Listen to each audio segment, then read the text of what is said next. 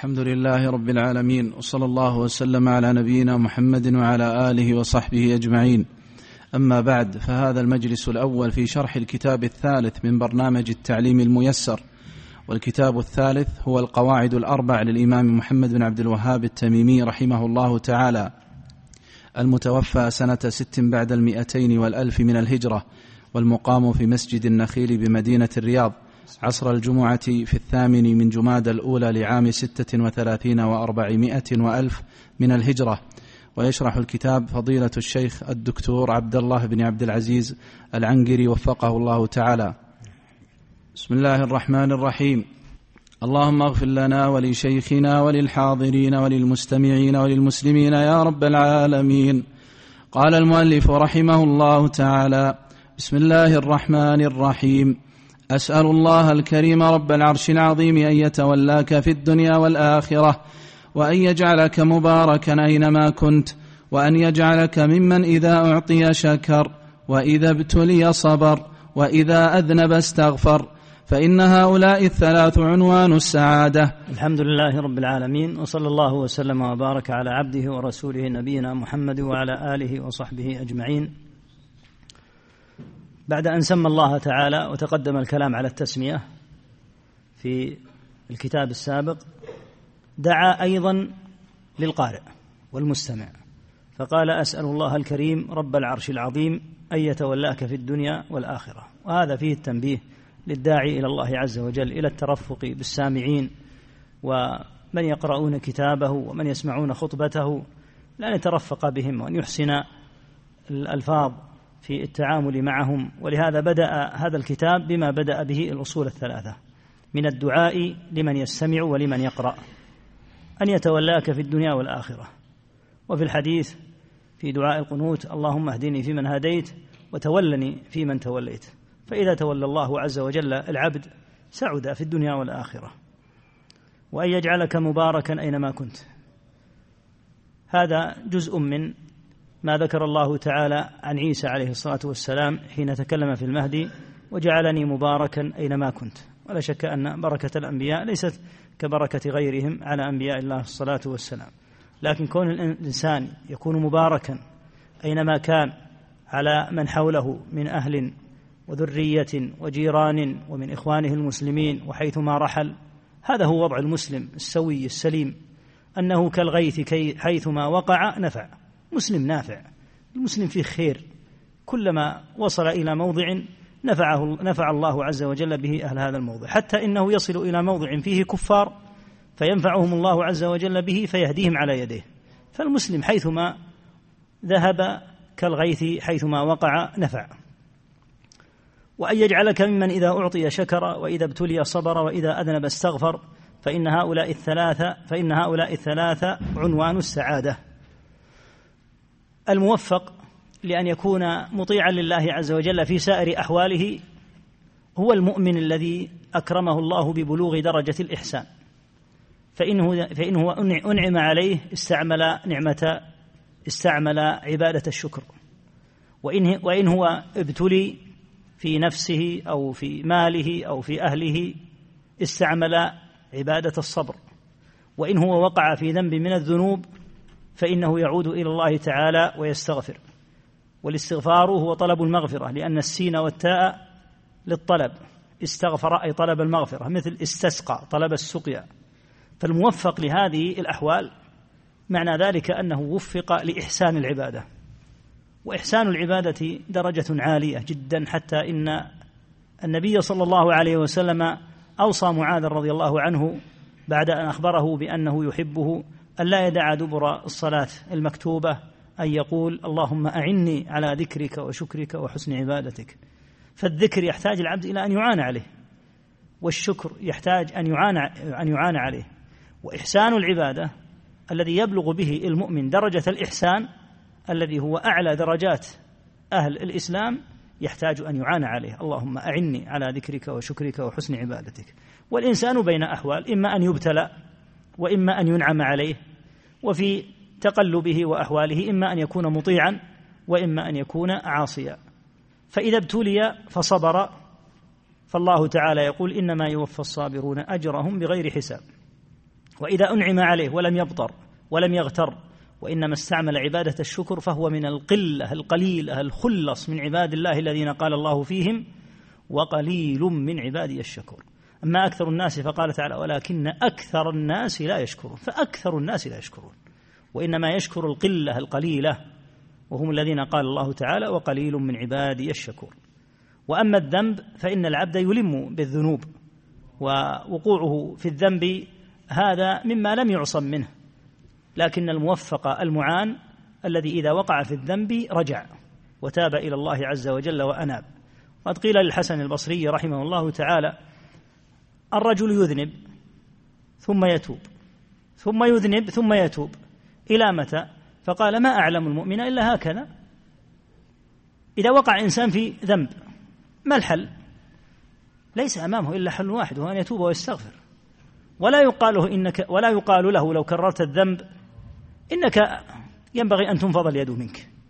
وإن ترددك هكذا على الذنب على هذه الطريقة ينبغي أن لا تعانى على نفسك وأنت ممن استحوذ عليه الشيطان فلا نعينك. لا قال عليه الصلاة والسلام في الرجل الذي جلد وتردد وتردد به إلى النبي صلى الله عليه وسلم وفي كل مرة يجلده فلما لعنه أحد الصحابة قال لا تلعنه لا تكونوا أعوان الشيطان عليه.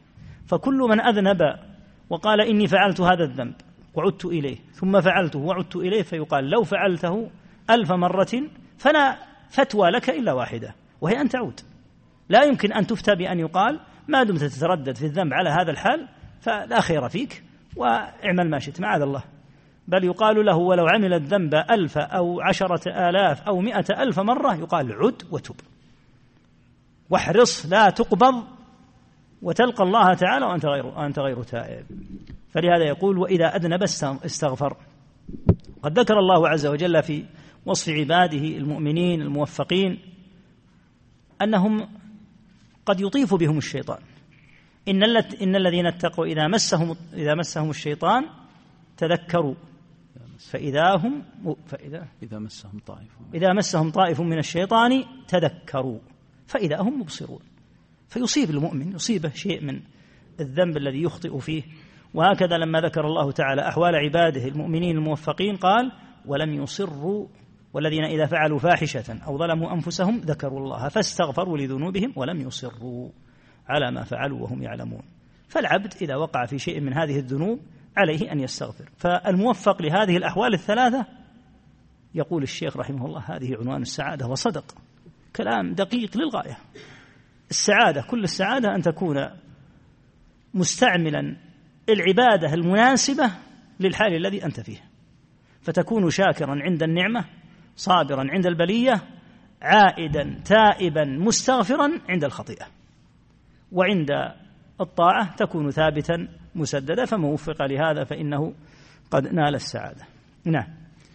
أحسن الله إليكم. قال رحمه الله اعلم أرشدك الله لطاعته أن الحنيفية ملة إبراهيم أن تعبد الله وحده مخلصا له الدين. هذا تفسير للحنيفية. تقدم أن الحنيفية من الحنف والحنف هو الميل. وإبراهيم عليه الصلاة والسلام حنف بمعنى أنه مال. مال عن ماذا؟ مال عن الباطل فكان حنيفا. وقد ثبت في البخاري أن إبراهيم عليه الصلاة والسلام لما دخل قرية وكان فيها جبار من من الجبابرة أن أن إبراهيم قال لزوجه سارة والله إن على وجه الأرض مؤمن غيري وغيرك. فدل على أن الأرض كانت ملأى. بالكفر وأهله. فكان حنيفا عنهم مائلا عنهم أجمعين. ولن يتحقق الإنسان الحنيفية إلا إذا كان على علم وبصيرة. لأن بعض الناس قد يظن أنه على صواب وأنه قد حنف عن الباطل وهو راكب واحدا من أبواب الباطل ولا سيما الخوارج.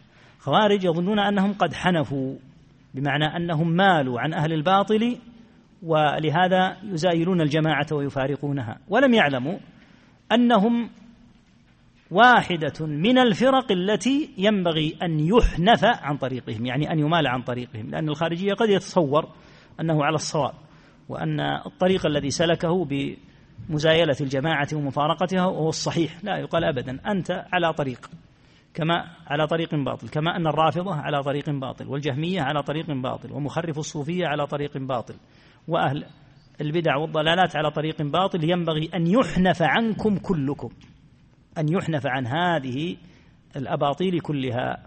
ولهذا الحنيفية لا يمكن أن تتحقق إلا لمن كان عنده علم وبصيرة أو يسأل أهل العلم والبصيرة فيبصرونه. أن الحنيفية ملة إبراهيم ما هي؟ أن تعبد الله مخلصا له الدين أن تعبد الله وحده مخلصا له الدين وتقدم في الأصول الثلاثة أن هذه هي دعوة الرسل جميعا عليهم الصلاة والسلام. فالرسل متفقون على عبادة الله وحده لا شريك له. يقول ابن القيم رحمه الله تعالى فالرسل في شأن الرسل صلوات الله وسلامه عليهم بيانا لكونهم جميعا متفقون على أمر التوحيد. فالرسل في التوحيد في, في, هذا الدين دينهم دين واحد لم يختلف منهم عليه اثنان. دين الإله اختاره لعباده ولخلقه هو قيم الأديان فمن المحال بأن يكون لرسله في وصفه خبران مختلفان. لا يمكن يأتي نوح بعقيدة تختلف عن عقيدة إبراهيم أو محمد أو عيسى معاذ الله عقيدتهم واحدة. فالرسل في التوحيد متفقون جميعا. دينهم واحد كما قال صلى الله عليه وسلم الأنبياء إخوة لعلات دينهم واحد وأمهاتهم شتى.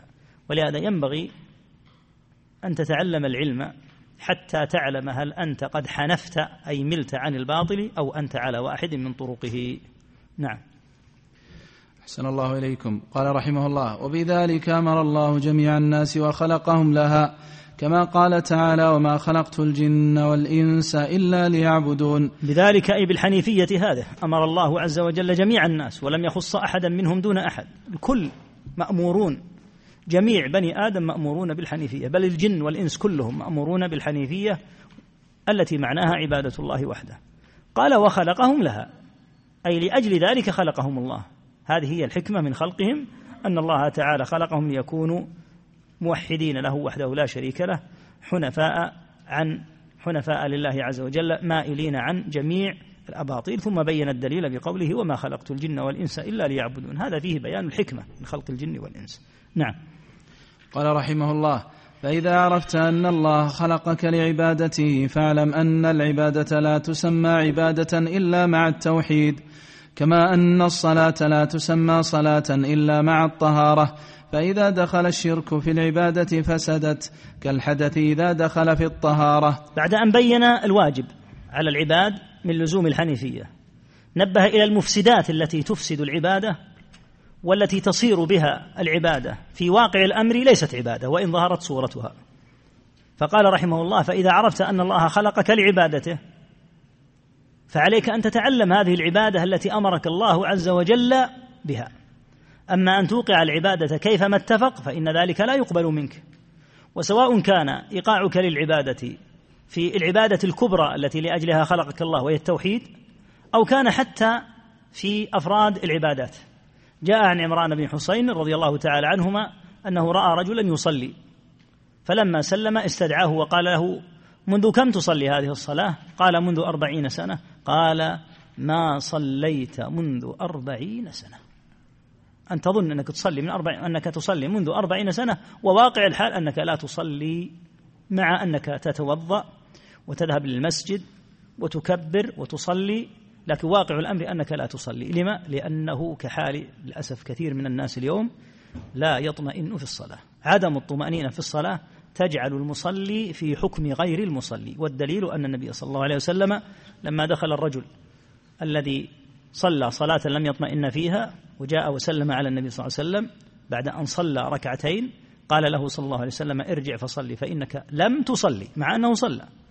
فذهب وصلى ركعتين مرة أخرى. فسلم على النبي صلى الله عليه وسلم فقال صلى الله عليه وسلم بعد أن رد عليه السلام ارجع فصلي فإنك لم تصلي. ثم الثالثة فقال والذي بعثك بالحق لا أحسن غير هذا فعلمني. فأمره عليه الصلاة فبين له عليه الصلاة والسلام كيفية الصلاة وأمره في أكثر من موضع فيها بالطمأنينة. ثم ارفع حتى تعتدل. الذي لا يطمئن لا يعتدل ساعة يرفع يهوي مباشرة. ثم اجلس حتى تطمئن جالسا. الذي لا يطمئن تجد أنه مباشرة. ساعة يجلس في الجلسة بين السجدتين مباشرة يهوي مرة أخرى للسجدة الثانية. فيقول رحمه الله تعالى إذا علمت أن الله خلقك العبادة فاعلم ما العبادة التي تسمى عبادة. العبادة لا تسمى عبادة إلا مع التوحيد. بمعنى أن الإنسان قد يتعبد لكن لا تعد تصرفاته من أقوال أو أفعال داخلة في العبادة. لما؟ لأنها وقعت على غير التوحيد. وهل المشركون يتعبدون؟ نعم. يتعبدون بأنواع من العبادات. ومنها أنهم كانوا يحجون كل سنة زمن النبي صلى الله عليه وسلم وقبله في الجاهلية فكانوا يحجون. فكانوا يتعبدون لله لكن لم تكن تلك عبادة. لأن العبادة لا تسمى عبادة إلا إذا كانت من موحد. فإذا وقعت من مشرك فإنها لا تسمى عبادة. وإن كانت صورتها الظاهرة عبادة. قال كما أن الصلاة هنا من باب القياس والتقريب لطالب العلم. كما أن الصلاة, الصلاة لا تسمى صلاة إلا مع الطهارة فإذا دخل الشرك في العبادة فسدت كالحدث إذا دخل في الطهارة. لو أن إنسانا والعياذ بالله دخل المسجد وهو يعلم أنه على غير وضوء وصلى مع الناس حتى سلم الإمام. هل يسمى مصليا هذا؟ في الحقيقة التي يعلمها الله لا يسمى مصليا. أما في الأمر الظاهر أمام الناس الناس يقولون هذا صلى معنا. العبرة بما يعلمه الله تعالى. يقول رحمه الله الصلاة لا تسمى صلاة إلا مع الطهارة لأن النبي صلى الله عليه وسلم قال مفتاح الصلاة الطهور فإذا لم يصلي الإنس... لم لم يتوضأ الإنسان فإنه لا يسمى مصليا ولهذا حتى لو نسي لو أنك نسيت الوضوء فأتيت وصليت حتى فرغت من من الصلاة يقال أجرك على الله وأنت لا إثم عليك لأنك ناسي لكن عليك أن تعيد الصلاة لأنك لم تتطهر والصلاة لا تفتتح إلا إذا كانت مسبوقة بالطهور. قال فالصلاة آه، كما أن الصلاة لا تسمى صلاة إلا مع الطهارة فإذا دخل الشرك في العبادة فسدت. لأن العبادة قائمة على التوحيد. قال تعالى وما خلقت الجن والإنس إلا ليعبدون أي ليوحدون.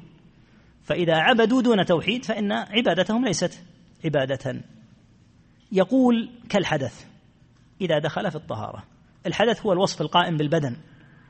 من وقوع شيء من نواقض الوضوء فإنه إذا كان الإنسان متلبسا متلبسا بشيء من هذه الأحداث فإنه لا يصح أن يدخل في الصلاة حتى يرتفع حدثه بأن يتوضأ أو أن يتيمم إذا كان فاقدا للوضوء. ولهذا قال كالحدث إذا دخل في الطهارة الحدث إذا دخل في الطهارة أو إذا كان الإنسان متطهرا ثم أحدث في أثناء الصلاة فسدت صلاته. فكذلك الحال الشرك والعياذ بالله إذا لابس العبادة فإن العبادة لا تسمى عبادة وإن كانت صورتها ظاهر عبادة لكنها تفسد كما أن الصلاة تفسد إذا دخلها الحدث. نعم. أحسن الله إليكم. فإذا عرفت أن الشرك إذا خالط العبادة أفسدها وأحبط العمل وصار صاحبه من الخالدين في النار عرفت أن أهم ما عليك معرفة ذلك. هذا بيان منه رحمه الله تعالى لخطورة الشرك. إذا كان الشرك إذا خالط العبادة أفسدها. حتى لو كان الإنسان قد مضى على عبادته خمسون أو ستون أو مئة سنة يفسدها. وصار صاحبه من الخالدين في النار. عرفت أن أهم ما عليك معرفة ذلك. أهم على الإنسان المسلم أن يعرف التوحيد وأن يعرف ما الذي يفسد التوحيد. ولهذا أشرف العلوم وأعظمها علم العقيدة. لأن علم العقيدة هو المصحح لكل العلوم بعده. كل العلوم وكل الأعمال لا تصح إلا إذا صدرت عن عقيدة سوية. ولهذا كان من المهم أن يعرف المسلم التوحيد وأن يعرف ضده. ومن توفيق الله عز وجل للدعاة إلى الله عز وجل كما تقدم ومن دلائل كونهم على منهج سوي أن يكون أهم ما يحرصون أن يكون أهم ما يحرصون عليه التوحيد. وأهم ما يحذرون منه الشرك. فإذا لم يكونوا موفقين صار اهتمامهم بغير التوحيد ابتداء وصار تحذير تحذيرهم من غير الشرك ابتداء. ولا يعني ذلك أن الإنسان لا يتكلم إلا في التوحيد يتكلم في التوحيد وفي غير التوحيد لكن التوحيد مقدم على كل شيء. ولا يعني ذلك أن الإنسان لا يحذر من الزنا والفواحش والتبرج واختلاط النساء. لا. لكن هذه الأمور يحذر منها ويحذر أشد وأشد من الشرك. بأنواعه القولية أو الفعلية أو القلبية. فينبغي أن يلاحظ هذا وأن أهم ما على الإنسان أن يعرف التوحيد الذي لأجله خلقه الله وأن يعرف الشرك حتى يحذره ويبتعد عنه حتى لا يقع فيه.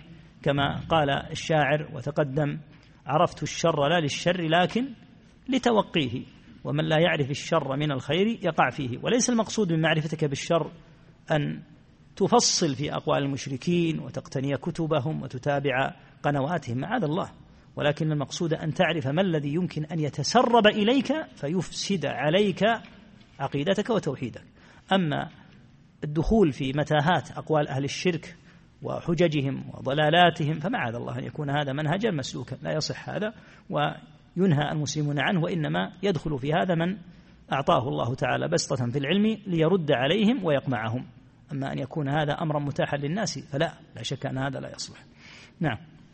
أحسن الله إليكم. قال رحمه الله فإذا عرفت أن الشرك إذا خالط العبادة أفسدها وأحبط العمل وصار صاحبه من الخالدين في النار عرفت أن أهم ما عليك معرفة ذلك لعل الله أن يخلصك من هذه الشبكة وهي الشرك بالله الذي قال الله تعالى فيه إن الله لا يغفر أن يشرك به ويغفر ما دون ذلك لمن يشاء. وذلك بمعرفة أربع قواعد ذكرها الله تعالى في كتابه. ذكر رحمه الله تعالى الآية وهي قوله تعالى إن الله لا يغفر أن يشرك به. بيانا للدليل على كون هذا الذنب لا يغفر. إن الله لا يغفر أن يشرك به ويغفر ما دون ذلك لمن يشاء. الآية هذه فيها أكثر من مبحث. المبحث الأول يتعلق بالشرك المذكور في الآية. ما هو؟ هل هو الأكبر أو الأصغر؟ إذا قيل إن الآية ذكر فيها الأكبر والأصغر فمعنى ذلك أن الشرك الأصغر لا يغفر وصاحبه لا بد أن يدخل النار. هذا المعنى. وهذا اختيار بعض أهل العلم. قالوا إن من وقع منه الشرك الأصغر ولم يتب منه فمع أنه مسلم إلا أنه لا بد له من أن يعذب على ما وقع منه من الشرك لا بد أن يعذب لأن الله تعالى أخبر أنه لا يغفره.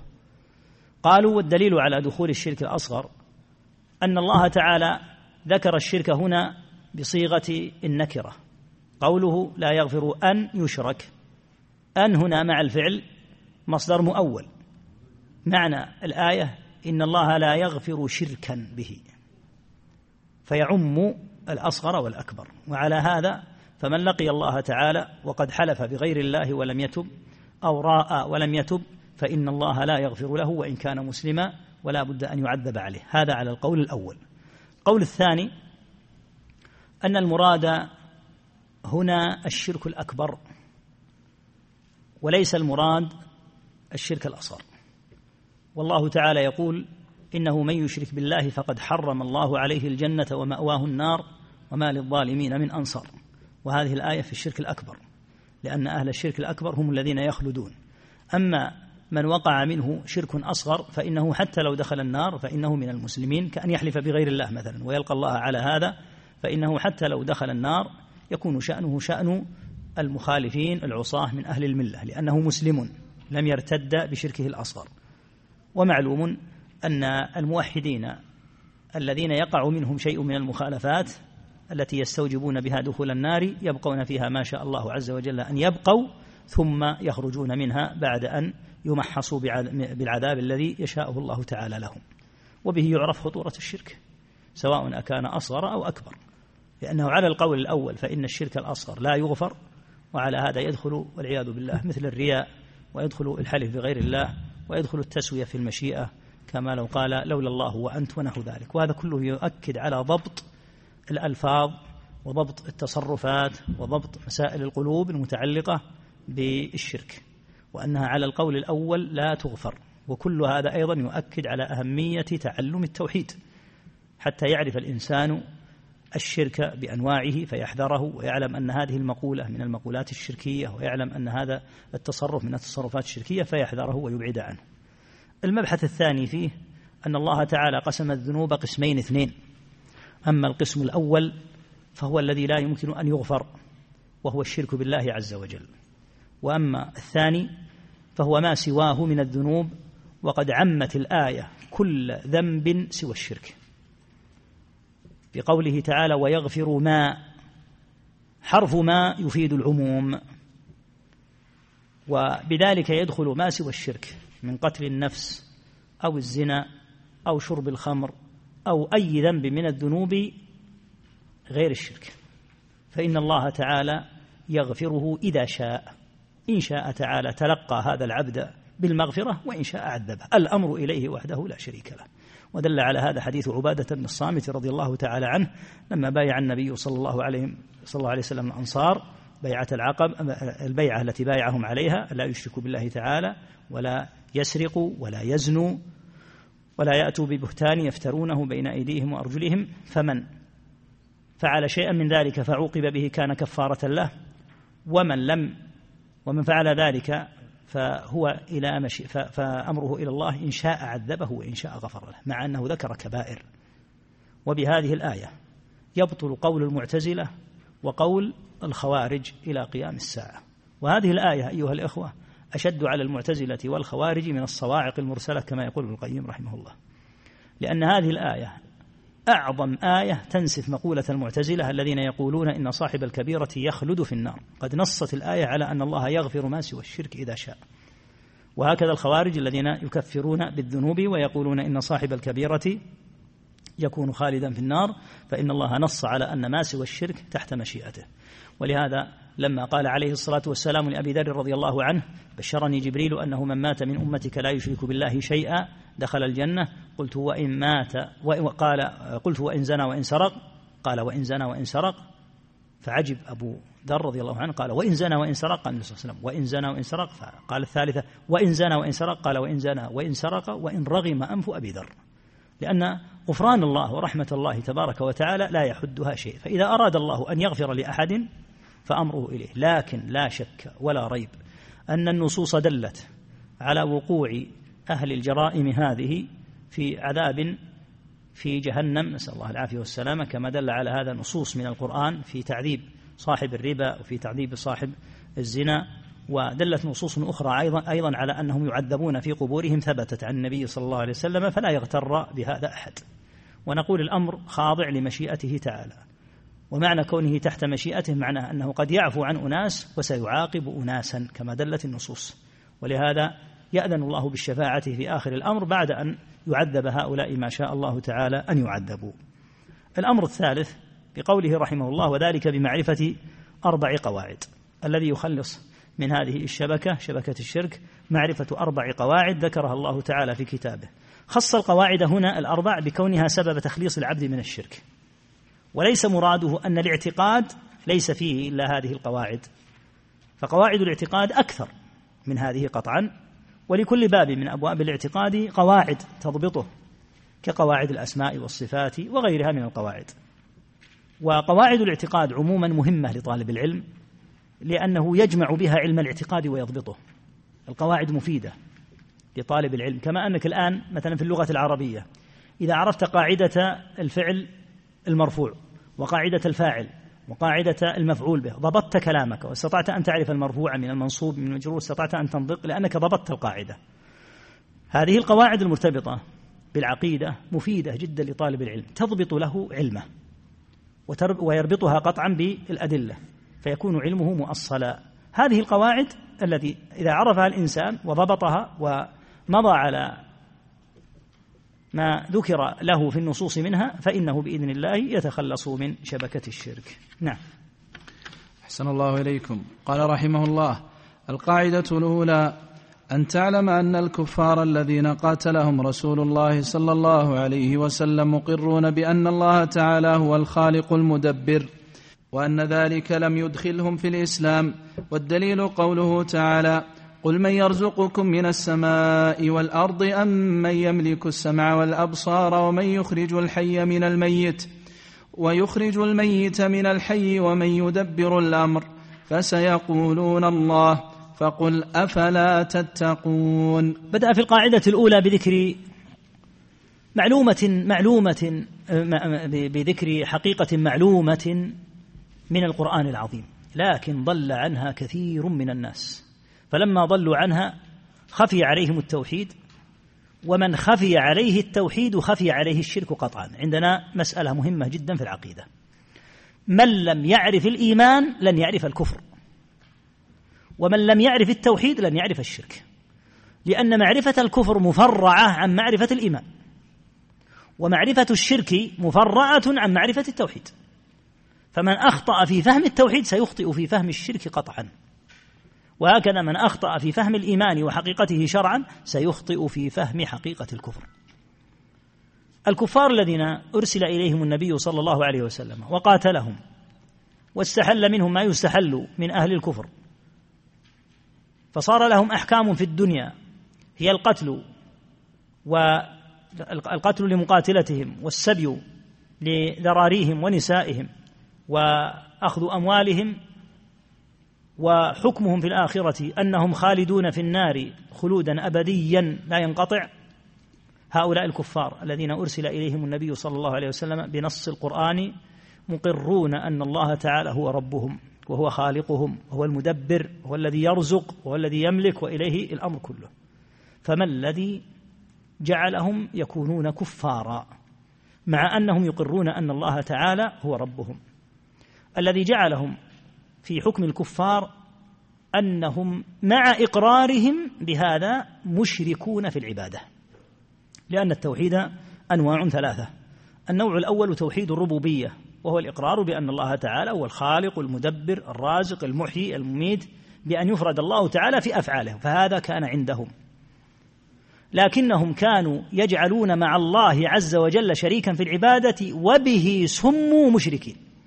لماذا سموا مشركين؟ كلمة الشرك من الفعل الثلاثي شركا شركهم في ماذا؟ شركهم في جعل شيء لله من أنواع العبادة وجعل شيء لغيره تعالى وبه سموا مشركين. أما لو كانوا منكرين لله تعالى بالكلية جاحدين لكانت حقيقتهم أنهم معطلون لإثبات وجود الرب وهذا يرده القرآن. النصوص دالة دلالة قطعية على أنهم مقرون بالله عز وجل. وإنما أشركوا لأجل أنهم صرفوا العبادة لغير الله كما قال تعالى وجعلوا لله مما ذرأ من الحرث والأنعام نصيبا فقالوا هذا لله بزعمهم وهذا لشركائنا. هذه حقيقة شركهم أنهم يجعلون العبادة لله ويجعلونها لغيره فبه سموا المشركين. التوحيد ما هو؟ هو إفراد الله بأن يفرد سبحانه وتعالى بالعبادة فهذا أبوه وامتنعوا منه غاية الامتناع. ولما قال لهم عليه الصلاة والسلام قولوا لا إله إلا الله امتنعوا وقالوا أجعل الآلهة إلها واحدا إن هذا لشيء عجاب.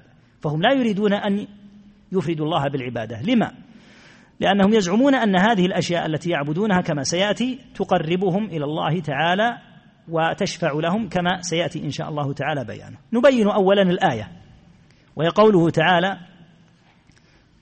قل من يرزقكم من السماء والأرض أم من يملك السمع والأبصار ومن يخرج الحي من الميت ويخرج الميت من الحي ومن يدبر الأمر فسيقولون الله فقل أفلا تتقون يعني ألا تتقون الله تعالى أن تقروا لله عز وجل بهذه الأمور ثم تصرفوا العبادة لغيره كما بين المفسرون ما الذي أقروا به في هذه الآية؟ أقروا أن الله هو الرازق وأن إليه الملك وحده تعالى فهو الذي يملك السمع والأبصار وهو الذي إليه إخراج الحي من الميت وإخراج الميت من الحي. وهو الذي إليه تدبير الأمر وتدبير الأمر كله. ومن يدبر الأمر فسيقولون الله. فدل على أنهم مقرون أن أمر الربوبية إلى الله وحده. ومع ذلك صاروا مشركين. الأمر الآخر الذي الآية الأخرى التي تدل على هذا عدة آيات استفتحت في كتاب الله بقوله ولئن سألتهم ولئن سألتهم من خلقهم ليقولن الله.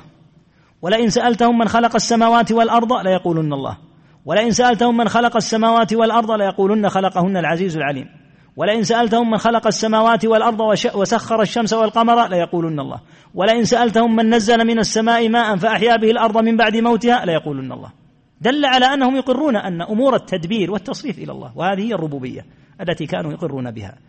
ودل على أن عندهم إيمانا بالربوبية وشركا في العبادة الآية العظيمة الجامعة في سورة يوسف.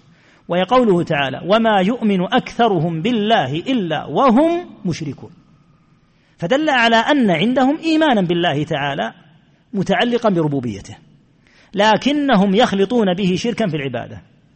وقد روى ابن جرير في هذا الموضع أجزل الله له المثوبة عن سبعة أو ثمانية من السلف. معنى الآية. الآية فيها إيمان ذكر الإيمان وذكر الشرك. والمعتاد أن الإيمان والشرك لا يجتمعان. يقال يجتمعان بأكثر من اعتبار مثل أن يكون الشرك في المسلم شركا أصغر فعنده إيمان وعنده شرك أصغر. والسلف رضي الله عنهم يستدلون بالآيات التي وردت في الشرك الأكبر يستدلون بها في أحوال الشرك الأصغر. هذا أمر. الحال الثاني وهو المراد في الآية والذي فيه نزلت وبينه ابن عباس وقتادة ومجاهد وابن زيد وعدد ممن رواه عنهم ابن جرير. في هذا الموضع يقول ابن عباس ولئن سألتهم لئن سألتهم من خلق السماوات من خلق الأرض من خلقهم لا يقولون الله وهم يشركون به في عبادته. وقال قتادة لست تلقى أحدا إلا أخبرك أن الله تعالى هو خالقه ثم يشرك في عبادته أو كما قال. وابن عباس رضي الله عنهما أيضا في رواية أخرى أخبر أن الآية نزلت في النصارى بإقرارهم أن الله هو الذي يخلق السماوات والأرض ثم يسجدون للأنداد. فجعل الشرك المراد هنا في الآية المراد الشرك المتعلق بالعبادة. أما الإيمان الوارد عندهم فمراد فالمراد أما الإيمان المذكور لهم في الآية فالمراد به إيمانهم بالربوبية. فإيمانهم بالربوبية لا يكفي.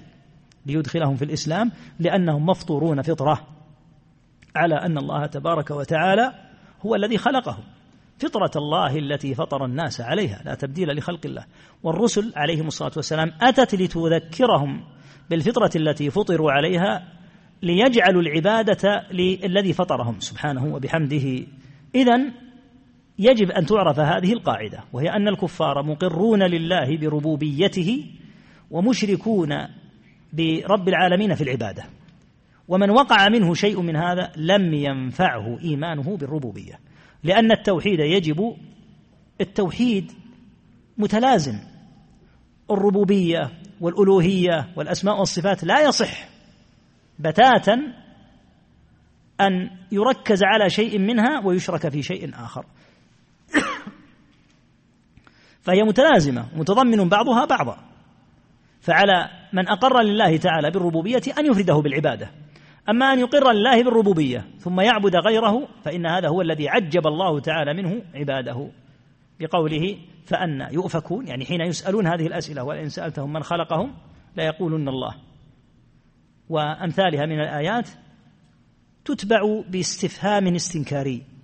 فأنا يؤفكون أفلا تعقلون؟ أفلا تذكرون؟ يعني كيف تقرون لله عز وجل بالربوبية ثم تصرفون العبادة لغيره؟ ما سبب صرفهم العبادة لغيره؟ يأتي إن شاء الله تعالى. نعم. أحسن الله إليكم. قال رحمه الله القاعدة الثانية أنهم يقولون ما دعوناهم وتوجهنا إليهم إلا لطلب القربة والشفاعة. فدليل القربة قوله تعالى ألا لله الدين الخالص؟ والذين اتخذوا من دونه أولياء ما نعبدهم إلا ليقربونا إلى الله زلفى. إن الله يحكم بينهم فيما هم فيه يختلفون. إن الله لا يهدي من هو كاذب كفار. ودليل الشفاعة قوله تعالى ويعبدون من دون الله ما لا يضرهم ولا ينفعهم. ويقولون هؤلاء شفعاؤنا عند الله. والشفاعة شفاعتان شفاعة منفية وشفاعة مثبتة. فالشفاعة المنفية ما كانت تطلب من غير الله فيما لا يقدر عليه إلا الله. والدليل قوله تعالى يا أيها الذين آمنوا أنفقوا مما رزقناكم. من قبل أن يأتي يوم لا بيع فيه ولا خلة ولا شفاعة. والكافرون هم الظالمون. والشفاعة المثبتة هي التي تطلب من الله.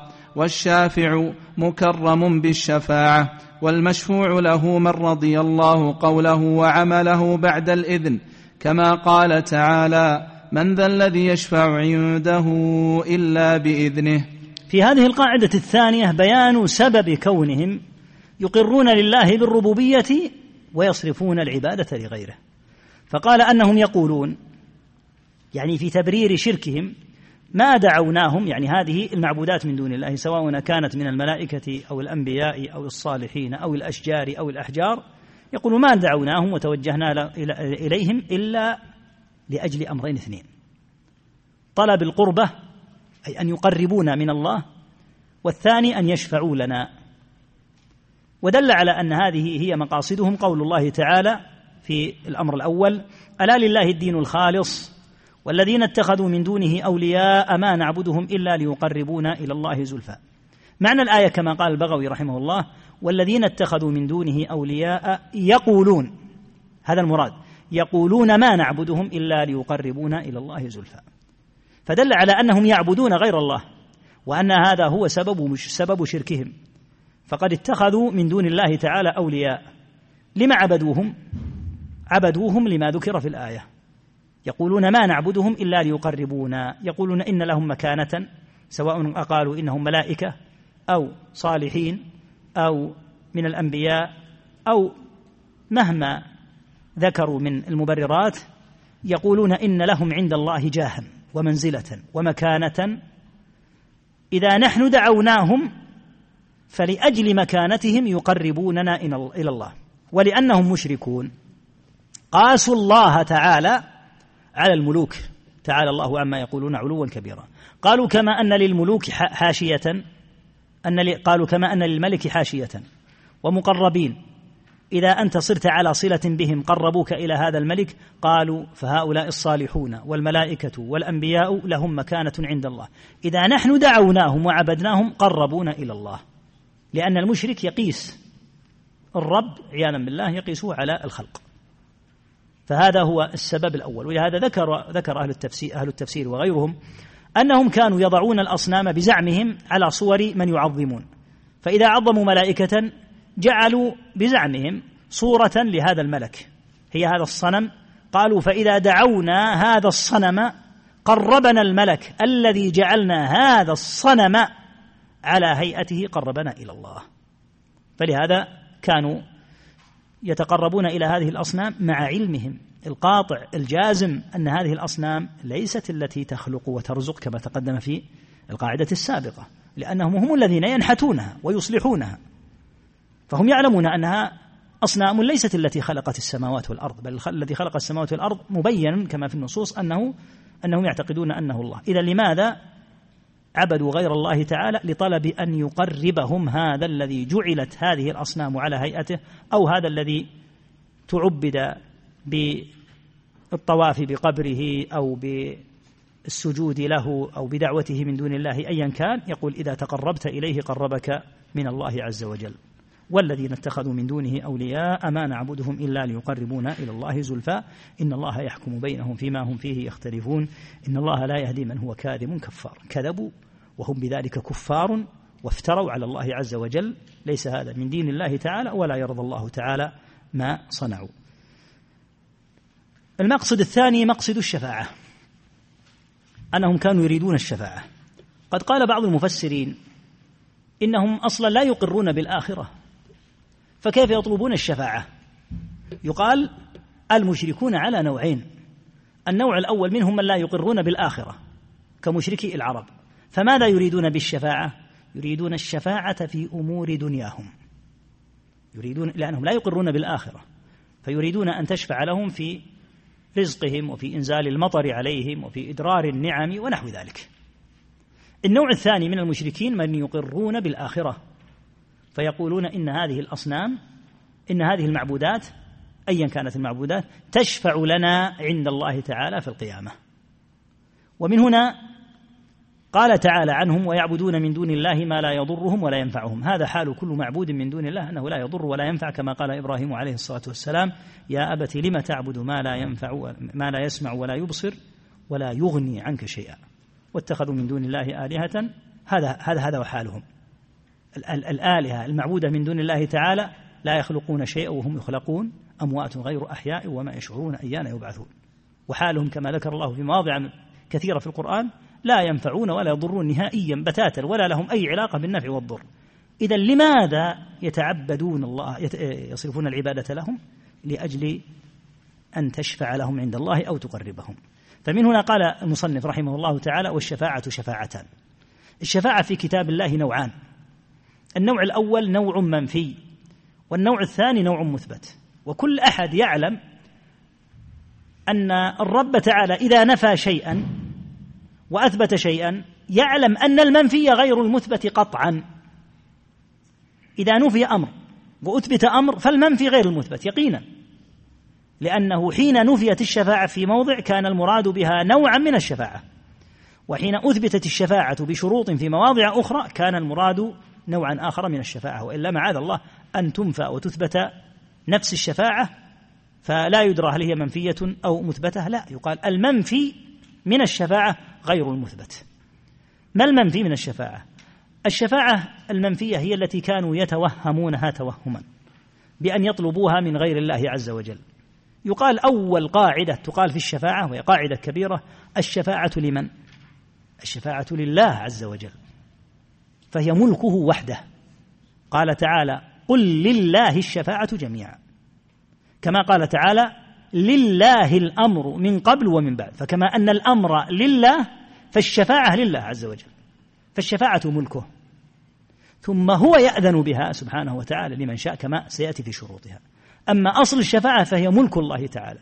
وليس لأحد أن يطلب الشفاعة إلا إذا كانت على الإذن على الشرط الشرعي. فإذا أوقعها على غير الشرط الشرعي لم تنفعه الشفاعة. ولهذا جاءت الآيات في شأن الشفاعة على نوعين. شفاعة آيات تنفي الشفاعة وهي التي كان المشركون يطلبونها من معبوداتهم ويتوهمون أن لمعبوداتهم هذه الشفاعة. كما قال تعالى في الآيات النافية للشفاعة يا أيها الذين آمنوا أنفقوا مما رزقناكم من قبل أن يأتي يوم لا بيع فيه ولا خلة ولا شفاعة. فنفى الله هنا الشفاعة.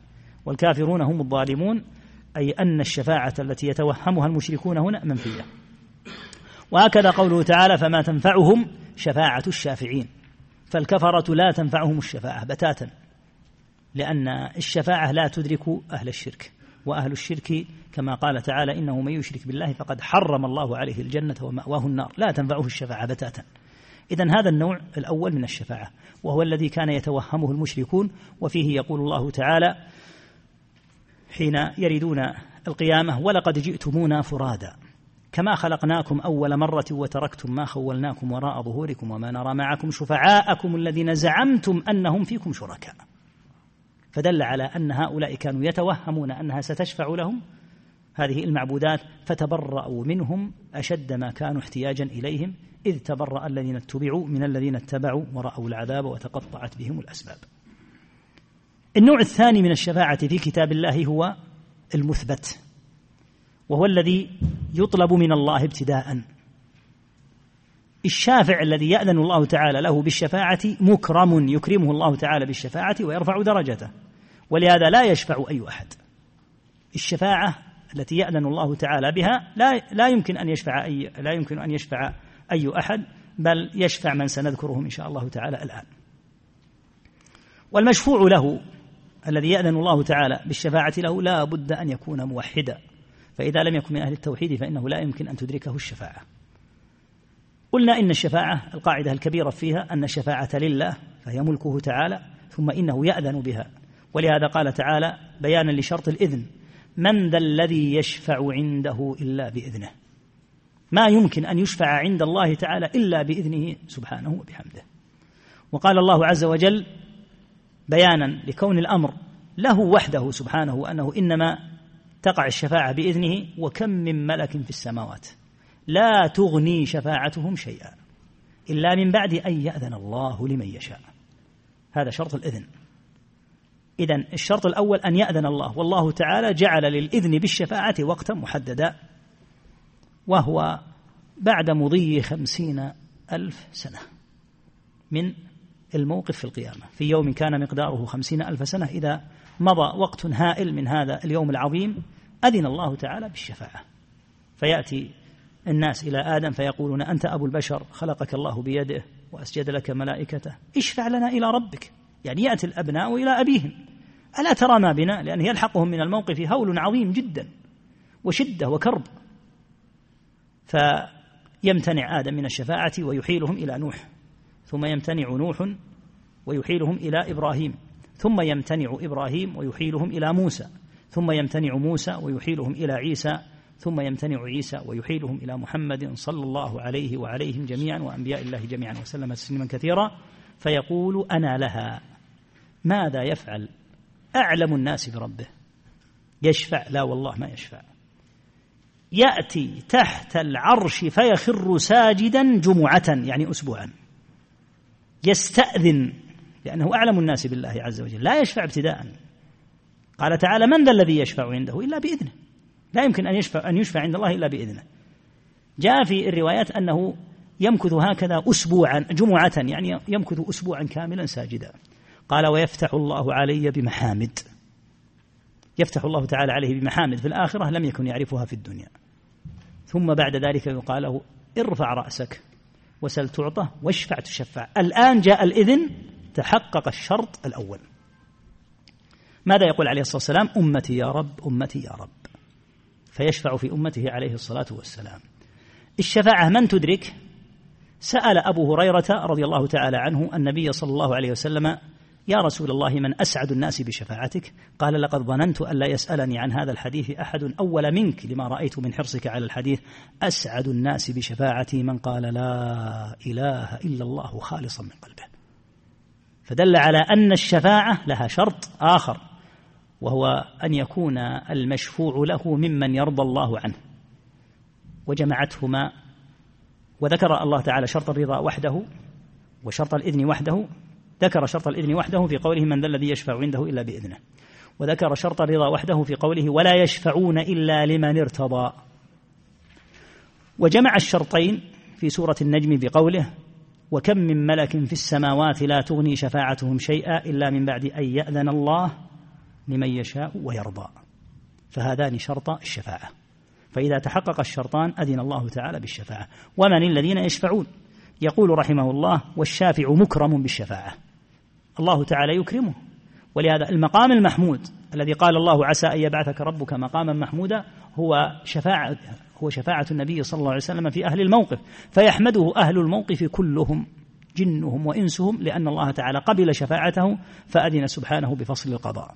إكرام لرسول الله صلى الله عليه وسلم وهو أفضل من وطئت قدمه الثرى صلى الله عليه وسلم وهو أفضل بني آدم على الإطلاق صلى الله وسلم عليه وعلى آله وصحبه. فيكرمه الله تعالى بالشفاعة. المشفوع له كما قال هنا من رضي الله قوله وعمله بعد الإذن يعني الشرطان. يعني الشرطين. الرضا من رضي الله تعالى قوله وعمله بعد أن يأذن سبحانه وتعالى بالشفاعة. كما قال تعالى من ذا الذي يشفع عنده إلا بإذنه فذكر شرط الإذن هنا. إذا الشفاعة تطلب من الله تعالى والشافع مكرم بالشفاعة وقد ثبتت الأحاديث بأن الملائكة تشفع لعظم قدر الملائكة عند الله والأنبياء يشفعون والصالحون يشفعون والأفراط يشفعون لآبائهم الصغار. وقال صلى الله عليه وسلم وضع هذا الحديث منك على بال عسى الله يجعلنا وإياك ممن يؤذن لهم بالشفاعة. يقول صلى الله عليه وسلم إن اللعانين لا يكونون شهداء ولا شفعاء يوم القيامة فاحذر اللعن. والإكثار منه فإنه يمنعك من أن تكون من الشفعاء. إن اللعانين لا يكونون شفعاء ولا شهداء يوم القيامة. المقصود باللعانين هنا من يكونون من المسلمين. أما الكفار فإنهم أصلا لا تنالهم الشفاعة فضلا عن أن يشفعوا لأحد. فلهذا بعض الذنوب عياذا بالله تحجب العبد عن الشفاعة. وممن يشفع الشهداء فإن الشهيد يشفع في عدد كبير من قرابته.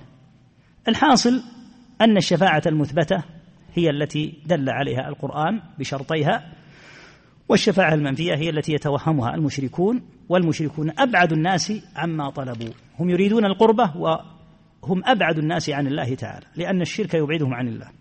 ويريدون الشفاعة بالشرك فلا يمكن أن تنالهم الشفاعة. فدل على أنهم صار لهم ضد ما كانوا يريدون. نسأل الله العافية. ولهذا خسرانهم مبين. ذلك هو الخسران المبين. الخسران الخسران في الآخرة هائل. كما أن الفوز كما قال تعالى ذلك الفوز الكبير. الفوز كبير في الآخرة والخسران مبين وشديد. نسأل الله الرحمة والمغفرة. ولهذا عوقبوا بأن انقطعت بهم الأسباب. قال تعالى ومن أضل ممن يدعو من دون الله من لا يستجيب له إلى يوم القيامة وهم عن دعائهم غافلون. وإذا حشر الناس كانوا لهم أعداء وكانوا بعبادتهم كافرين. فتنقطع نسأل الله العافية عنهم أسباب يعني أسباب الفرج تنقطع بالكلية ولهذا يبلسون ينقطعون عن أي خير نسأل الله العافية. ويكون حالهم نسأل الله العافية حال الخاسر الذي انقطعت حيلته وذهبت ظنونه وتوهماته وتخرصاته وعاد نسأل الله العافية على أسوأ ما يكون من الحال. هذا من دلائل أهمية ضبط التوحيد. حتى لا يعيش الإنسان سنين طوال يتخبط في المهامه وفي الظلمات يظن أنه على خير وهو على خسران مبين. نسأل الله العافية والسلامة. نعم. أحسن الله إليكم. قال رحمه الله القاعدة الثالثة أن النبي صلى الله عليه وسلم ظهر على أناس متفرقين في عباداتهم منهم من يعبد الملائكة ومنهم من يعبد الأنبياء والصالحين ومنهم من يعبد الأشجار والأحجار ومنهم من يعبد الشمس والقمر وقاتلهم رسول الله صلى الله عليه وسلم ولم يفرق بينهم والدليل قوله تعالى وقاتلوهم حتى لا تكون فتنة ويكون الدين كله لله ودليل الشمس والقمر قوله تعالى ومن آياته الليل والنهار والشمس والقمر لا تسجدوا للشمس ولا للقمر واسجدوا لله الذي خلقهن إن كنتم إياه تعبدون ودليل الملائكة قوله تعالى ولا يأمركم أن تتخذوا الملائكة والنبيين أربابا ودليل الأنبياء قوله تعالى وإذ قال الله يا عيسى ابن مريم أأنت قلت للناس اتخذوني وأمي إلهين من دون الله؟ قال سبحانك ما يكون لي أن أقول ما ليس لي بحق. إن كنت قلته فقد علمته. تعلم ما في نفسي ولا أعلم ما في نفسك. إنك أنت علام الغيوب. ودليل الصالحين. قوله تعالى أولئك الذين يدعون يبتغون إلى ربهم الوسيلة أيهم أقرب ويرجون رحمته ويخافون عذابه. ودليل الأشجار والأحجار. قوله تعالى أفرأيتم اللات والعزى ومناة الثالثة الأخرى؟ وحديث أبي واقد الليثي رضي الله عنه قال خرجنا مع النبي صلى الله عليه وسلم إلى حنين. ونحن حدثاء عهد بكفر وللمشركين سدرة يعكفون عندها وينوطون بها أسلحتهم. يقال لها ذات أنواط. فمررنا بسدرة فقلنا يا رسول الله اجعل لنا ذات أنواط كما لهم ذات أنواط. الحديث. القاعدة الثالثة في بيان أحوال المشركين الذين لما بعث النبي صلى الله عليه وسلم كانت بهم الأرض. الناس زمن النبي صلى الله عليه وسلم حين بعث كانوا على صنفين اثنين. الصنف الأول أهل الكتاب وهم اليهود والنصارى الذين بقوا على الكتاب السابق. ولم يبدلوا أما من بدل فإنه يكون قد كفر بكتابه وبنبيه. الصنف الثاني المشركون بأنواعهم وهم المذكورون هنا. ظهر على أناس متفرقين في عباداتهم. فالصنف الأول وهم أهل الكتاب الذين ثبتوا على كتابهم حقا وأطاعوا رسلهم صلى الله عليه وسلم حقا آمنوا بالرسول صلى الله عليه وسلم مباشرة. لأن في كتبهم الميثاق والعهد المأخوذ عليهم إن بعث الله محمدا صلى الله عليه وسلم أن يؤمنوا به. فالمستمسكون بكتابهم سواء كانوا يهودا أو نصارى انضموا إلى هذا النبي الكريم صلى الله عليه وسلم مباشرة كعبد الله بن سلام رضي الله عنه وهو أعلم اليهود في زمنه وكالنجاشي رحمه الله تعالى وهو من النصارى المشاهير في زمنه وكان حاكما للحبشة. فمن كانوا مستمسكين بكتابهم انضموا إلى رسول الله صلى الله عليه وسلم وآمنوا به. ومن كانوا ومن أبوا الدخول في دين الله عز وجل مع أخذ العهد عليهم في كتبهم ومن كلام أنبيائهم فقد كفروا بالنبي صلى الله عليه وسلم وكفروا بأنبيائهم أيضا لأن العهد الذي أخذ عليهم قد نقضوه. فهذا ما يتعلق بالقسم الأول منهم وهم أهل الكتاب. القسم الثاني وهم المشركون والمشركون أنواع شتى. وليست العبرة بمن يشركون. لا يقال هل هم يشركون بملك أو بنبي ليس العبرة. العبرة أنهم إذا جعلوا العبادة لغير الله تعالى فإنهم بذلك يكونون كفارا خارجون من عافية الله عز وجل إلى لعنته ومقته أيا كان الذي يعبدونه. ولو كان الذي يعبدونه ملكا أو نبيا فإنهم يكونون به كفارا بنص القرآن. لهذا قال رحمه الله أن النبي صلى الله عليه وسلم ظهر على أناس متفرقين في عباداتهم فمنهم من يعبد الملائكة ويعظمهم ويتقرب إلى الملائكة ومن ضمن تقربه إلى الملائكة أن جعل أصناما يزعم أنها على صورة فلان من الملائكة وهذا على صورة فلان من الملائكة كما تقدم ويتقرب لهذه الأصنام يقول حتى تقربنا تلك الملائكة إلى الله عز وجل. الصنف الثاني منهم من يعبد الأنبياء. الصنف الثالث من يعبد الصالحين. صنف آخر يعبدون الأشجار. صنف آخر يعبدون الأحجار. منهم من يعبد الكواكب العليا كالشمس والقمر. ومنهم من يعبد الأفلاك.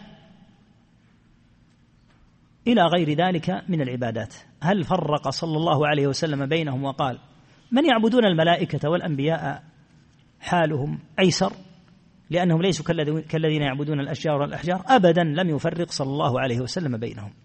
من صرف العبادة لغير الله تعالى فهو مشرك بقطع النظر عمن أشرك به. كما قال ابن القيم رحمه الله بل كل معبود سواه فباطل من عرشه حتى الحضيض الداني. العرش هو أعلى المخلوقات.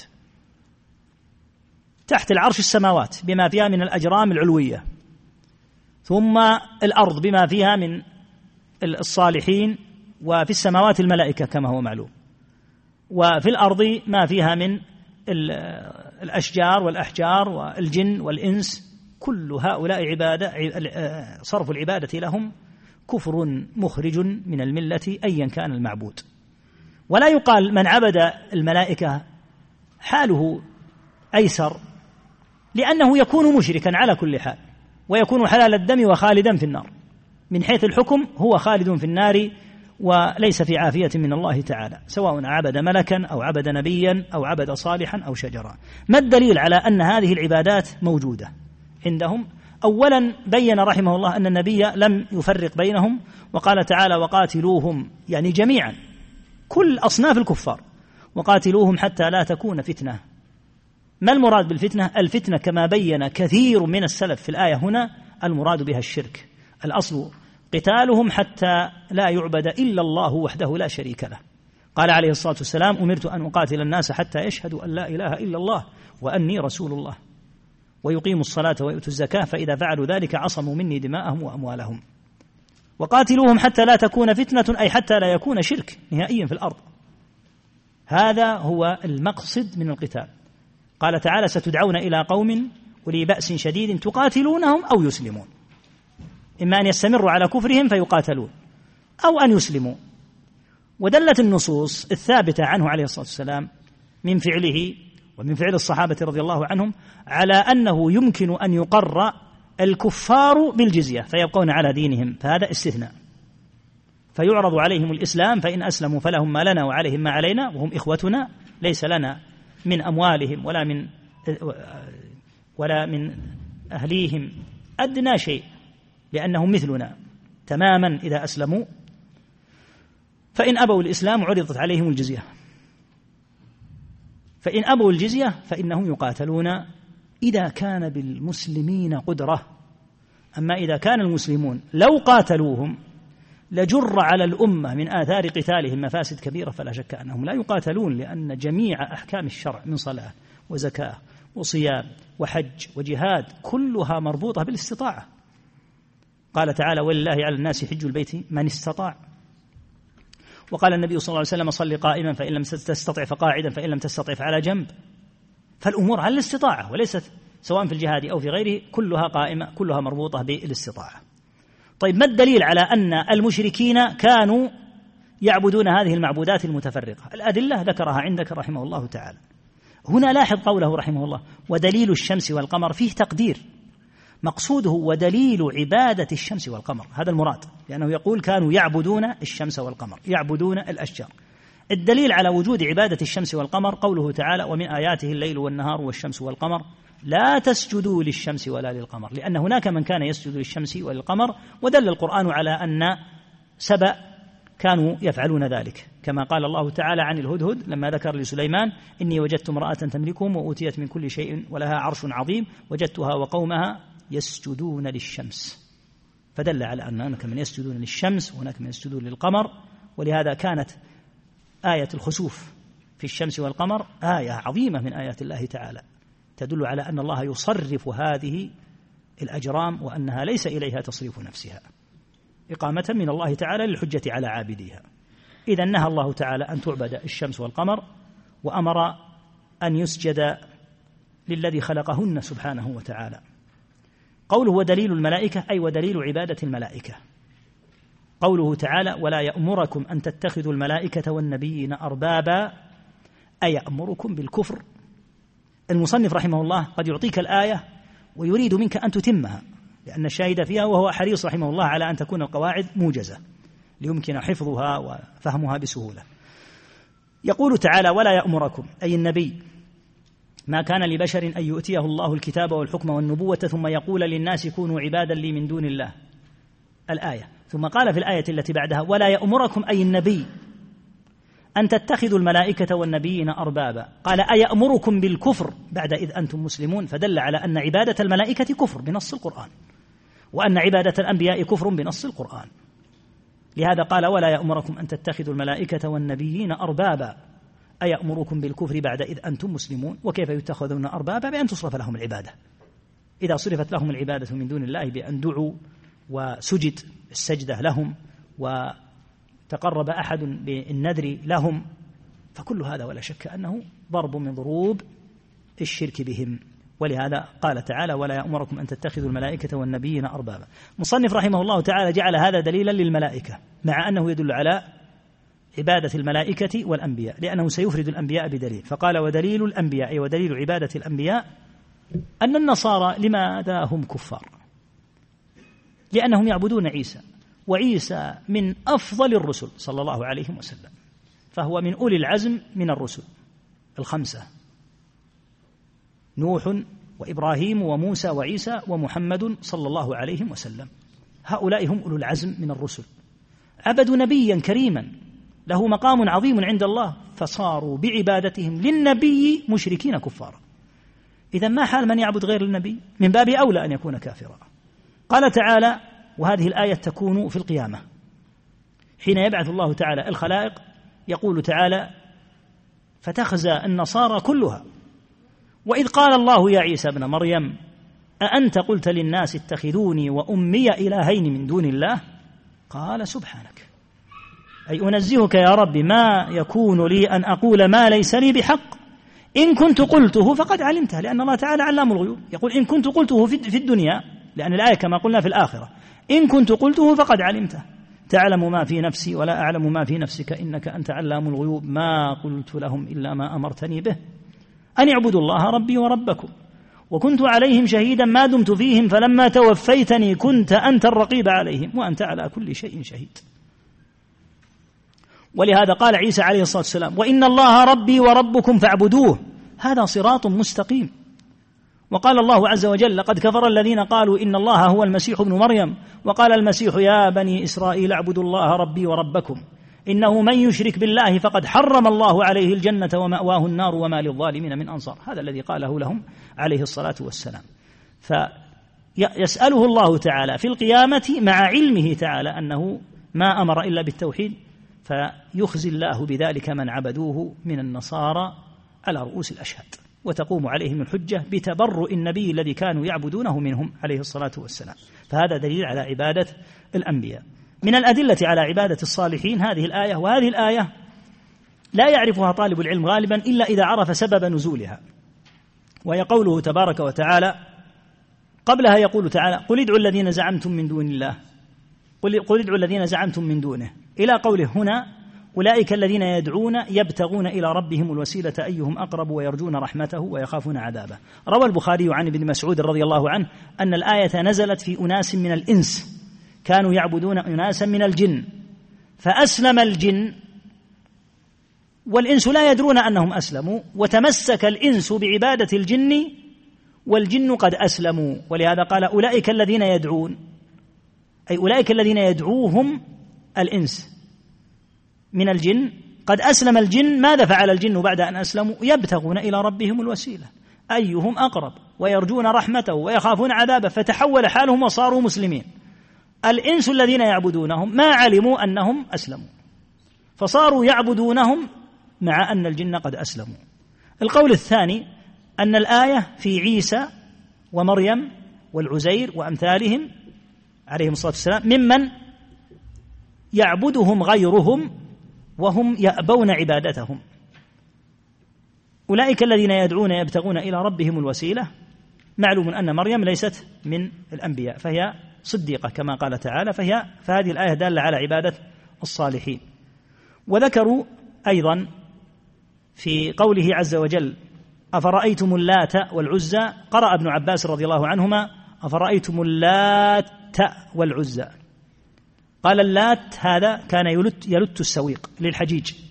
فلما مات عكفوا على قبره. فتكون الآية على هذه القراءة دالة على عبادة الصالحين أيضا. أما على القراءة المعروفة أفرأيتم اللات والعزى فهي كما ذكر المصنف دليل على عبادة الأشجار والأحجار. وهي قوله تعالى أفرأيتم اللات والعزى ومناة الثالثة الأخرى. اللات والعزى كانت هذه من أكثر ما يشرك بها العرب. مناه كانت دونها في القدر دونهما. ولهذا قال تعالى ومناة الثالثة الأخرى. فهي دون اللات والعزى في نظر المشركين. قال تعالى أفرأيتم اللات والعزى ومناة الثالثة الأخرى؟ ألكم الذكر وله الأنثى. إنما كانوا يعبدونها قطعا بلا بصيرة وبلا برهان. اللات والعزى كانت أصناما وكانت مما نحت نحتا وصار عياذا بالله أهل الشرك يعبدونهما ويقسمون بهما ولهذا أبو سفيان رضي الله عنه قبل أن يمن الله عليه بالإسلام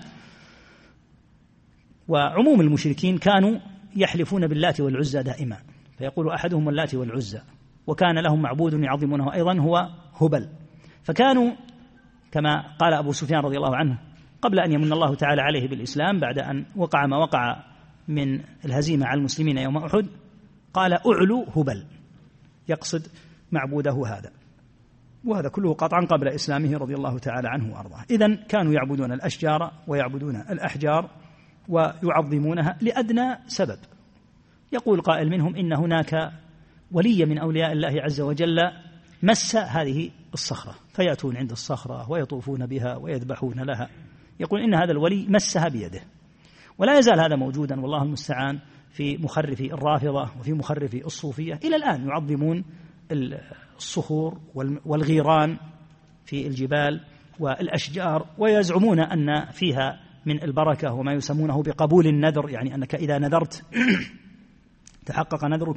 فإذا نذرت لهذا الغار أو نذرت إلى هذه الأشجار إن ذلك يقبل منك وإن النذر يتحقق. فإذا قلت أتيت بنذر ونذرت للشجرة أو للصخرة فإنك تجد فائدة ذلك ويتحقق ما نذرت وهذا عين الشرك الذي كانت عليه الجاهلية. نعوذ بالله من حال أهل الضلال.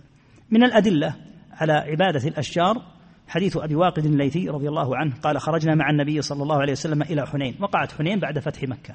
يقول ونحن حدثاء عهد بكفر. يعني عهدنا بالكفر قريب لأن النبي صلى الله عليه وسلم بعد أن فتح مكة اتجه إلى حنين بعد ليالي معدودة.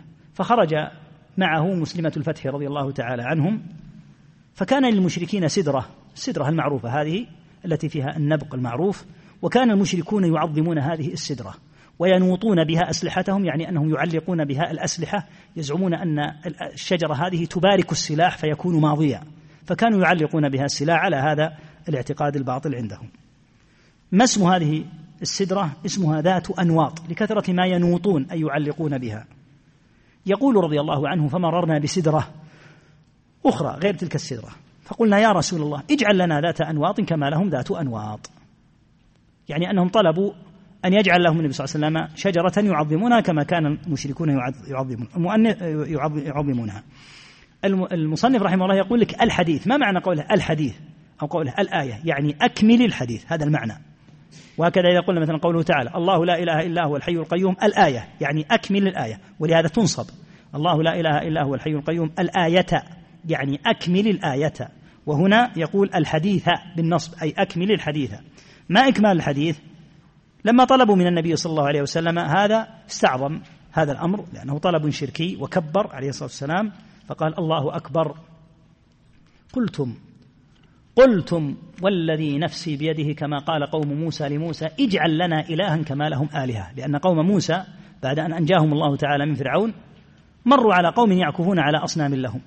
فطلبوا من موسى أن يجعل لهم إلها كما لهؤلاء المشركين إله. فشبه النبي صلى الله عليه وسلم طلب هؤلاء أن يجعل لهم سدرة يعظمونها كما كان المشركون يعظمون تلك السدرة وهي شجرة من الأشجار. شبهه بطلب قوم موسى من موسى عليه الصلاة والسلام أن يجعل لهم آلهة أن يجعل لهم إلها أي معبودا كما لأولئك المشركين آلهة. ثم قال إنها الله أكبر إنها السنن لتتبعن سنن من كان قبلكم. وهذا الذي وقع في الأمة كما سيأتي إن شاء الله في الكلام عليه في آه، فضل الإسلام إن شاء الله. دل ذلك على أن من عبد غير الله أيا كان المعبود ملكا أو نبيا أو صالحا أو جنيا أو شجرا أو حجرا فإنه مشرك قد حرم الله تعالى عليه الجنة. والنبي صلى الله عليه وسلم كما في القاعدة هذه لم يفرق صلى الله عليه وسلم. ولهذا قاتل النصارى صلى الله عليه وسلم وقاتل المشركين عباد الأوثان وقاتل المشركين بأصنافهم وأنواعهم ولم يفرق بين من يعبد شجرا أو حجرا أو يعبد ملكا أو يعبد نبيا فدل على أنهم جميعا حكمهم واحد. فمن صرف العبادة لغير الله تعالى فقد أشرك أيا كان المعبود الذي أشرك به. نعم. أحسن الله إليكم. قال رحمه الله القاعدة الرابعة أن مشركي زماننا أغلظ شركا من الأولين لأن الأولين يشركون في الرخاء ويخلصون في الشدة ومشركو زماننا شرك شركهم دائم في الرخاء والشدة.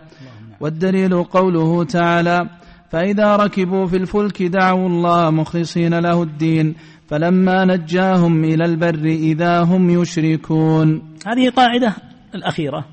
القاعدة الأخيرة يقول فيها المشركون في زمننا هذا أغلظ شركا من المشركين الأولين. لما؟ ذكر واحدا من المبررات. قال الأولون كانوا يشركون في الرخاء فقط. أما إذا كانوا عند الشدائد فإنهم يخلصون لله ولا يدعون إلا الله. المشركون المتأخرون يشركون دائما في الرخاء والشدة. ولا شك أن من تعلق قلبه بغير الله تعالى في الرخاء وفي الشدة أغلظ شركا ممن إذا وقعت الشدة تعلق قلبه بالله وإن كان الجميع مشركا. فالذي تعلق قلبه بغير الله تعالى بحيث يصرف له العبادة حتى في الشدائد التي إذا وقعت للمشركين بنص القرآن أخلصوا. الذي يستمر على شركه حتى في الشدائد أخبث. وأسوأ شركا وأغلظ. قال الله عز وجل فإذا ركبوا في الفلك دعوا الله مخلصين له الدين فلما نجاهم إلى البر إذا هم يشركون. الفلك هي السفينة. إذا ركبوها لأن السفينة مقام ضرورة فإنهم لا يسألون إلا الله وحده ولا يدعون سواه. فلما نجاهم إلى البر هذا حال الأمن والسلامة عادوا إلى شركهم. أما المشركون المتأخرون فإنهم والعياذ بالله يشركون في الرخاء وفي الشدة. وقد ذكر علامة العراق السويدي الشافعي رحمة الله تعالى عليه صورة عجيبة في شرك المشركين. قال إنهم إذا طلب منهم أن يحلفوا بالله عز وجل عند القضاة على أمر قد جحدوه حلفوا بالله. فإذا طلب منهم أن يحلفوا بغير الله عز وجل فإذا طلب منهم أن يحلفوا بغير الله عز وجل ممن يعظمون امتنعوا وأقروا فدل على أن تعظيمهم لغير الله أشد من تعظيمهم لله. لأنه يقال له الآن هذا المدعي يدعي عليك أنك أنه قد أقرضك فيقول أبدا ما أقرضني. يقال احلف بالله فيقول والله الذي لا إله إلا هو إنه لم يقرضني. فإذا قيل له احلف بالسيد البدوي أو بالحسين أو بعلي أو بعبد القادر؟ قال لا. أنا أقر أنه أقرضني. على أي شيء يدل هذا؟ يدل على أن هؤلاء في قلبه أعظم من الله عز وجل. نسأل الله العافية. لأنه استهان بالحلف بالله عز وجل فحلف بالله كاذبا. فلما ذكر له هذا حتى ذكر رحمه الله أنه إذا ذكر له اسم هؤلاء قال يرتعد. يرتعد ويخاف يقول أنا أقر. ولما ذكر الله عز وجل حلف بالله تعالى غير مكترث ولا مبالي. فدل عياذا بالله على أن على أنهم قد تعلقت قلوبهم بغير الله تعالى. هذا التعلق العظيم. حتى جعلوا جعلوا تعظيمه صار تعظيمهم في قلوبهم أشد من تعظيم الله عز وجل. ولا شك أن هذا شرك أغلظ من شرك المشركين. الحاصل أن قوله رحمه الله أن مشركي زماننا أغلظ لا شك أنه صواب. وبعض من تحذلقوا من ورثة الروافض وأضرابهم ممن قالوا كيف يقول الشيخ محمد رحمه الله هذا الكلام؟ لا يستطيعون أن يجيبوا على هذه التقريرات. نعم. الذي يشرك في الرخاء والشدة أقبح وأغلظ شركا من الذي إذا جاءت الضرورة أخلص لله وعلم أنه لا ينجيه إلا الله.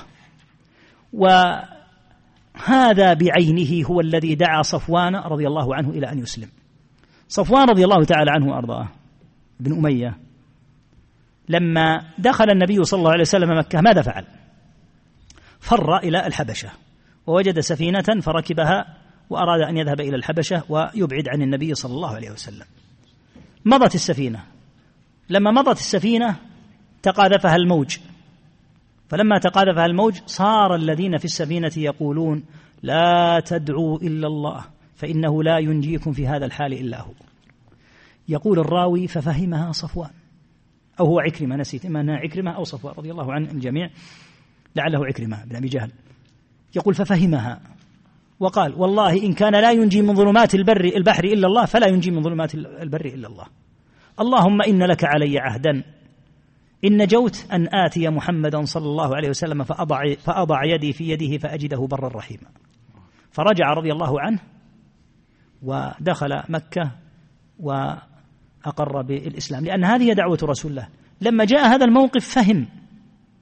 قال إذا, إذا كنا نلجأ إلى الله في الشدة فلماذا لا نلجأ إليه في الشدة؟ والرخاء. هذا محمد صلى الله عليه وسلم يدعونا إلى هذا. إذا كلامه حق. فالذي عنده توحيد في الشدة قد يدعوه توحيده في الشدة إلى أن يوحد في الرخاء. أما الذي عنده شرك في الشدة والرخاء فمتى يوحد؟ نسأل الله العافية والسلامة. فلا شك أنهم أغلظوا شركا. ثم إن من؟ وصلته النصوص القرآنية الجلية الدالة على وجوب إفراد الله تعالى بالعبادة. ثم يأباها ويرفض ويأبى إلا أن يشرك. أخبث شركا من مشرك من الأولين الذين لم تبلغهم الدعوة. فكون ذاك يشرك وهو لم تأته هذه الآيات العظيمة في كتاب الله دالة على إبطال الشرك هذا كمشرك لكن الذي وصلته الآيات القرآنية وأبى الانصياع لها وأصر على الشرك أخبث شركا أغلظ شركا من, من الذي لم تبلغه الآيات وبذلك آه، ينتهي هذا الكتاب وبإذن الله سنواصل اليوم أيضا من كتاب فضل الإسلام من الآن إن شاء الله لأن سنحاول أن نختصر إن شاء الله تعالى في المدة آه، إن تمكنا من إنهاء الكتاب هذا والكتاب الذي يليه بعون الله تعالى. على أمل أن يكون هناك وقت إن شاء الله تعالى لفضيلة الشيخ علي القصير في كتابه أقصر المختصرات لأنه احتاج وقتا فسنحاول إن شاء الله أن ننتهي بين آه، السبت غدا والأسبوع القادم ويبقى إن شاء الله أن الله يسر الأسبوع الذي يليه لفضيلة الشيخ علي إن شاء الله. نعم. الله عليكم.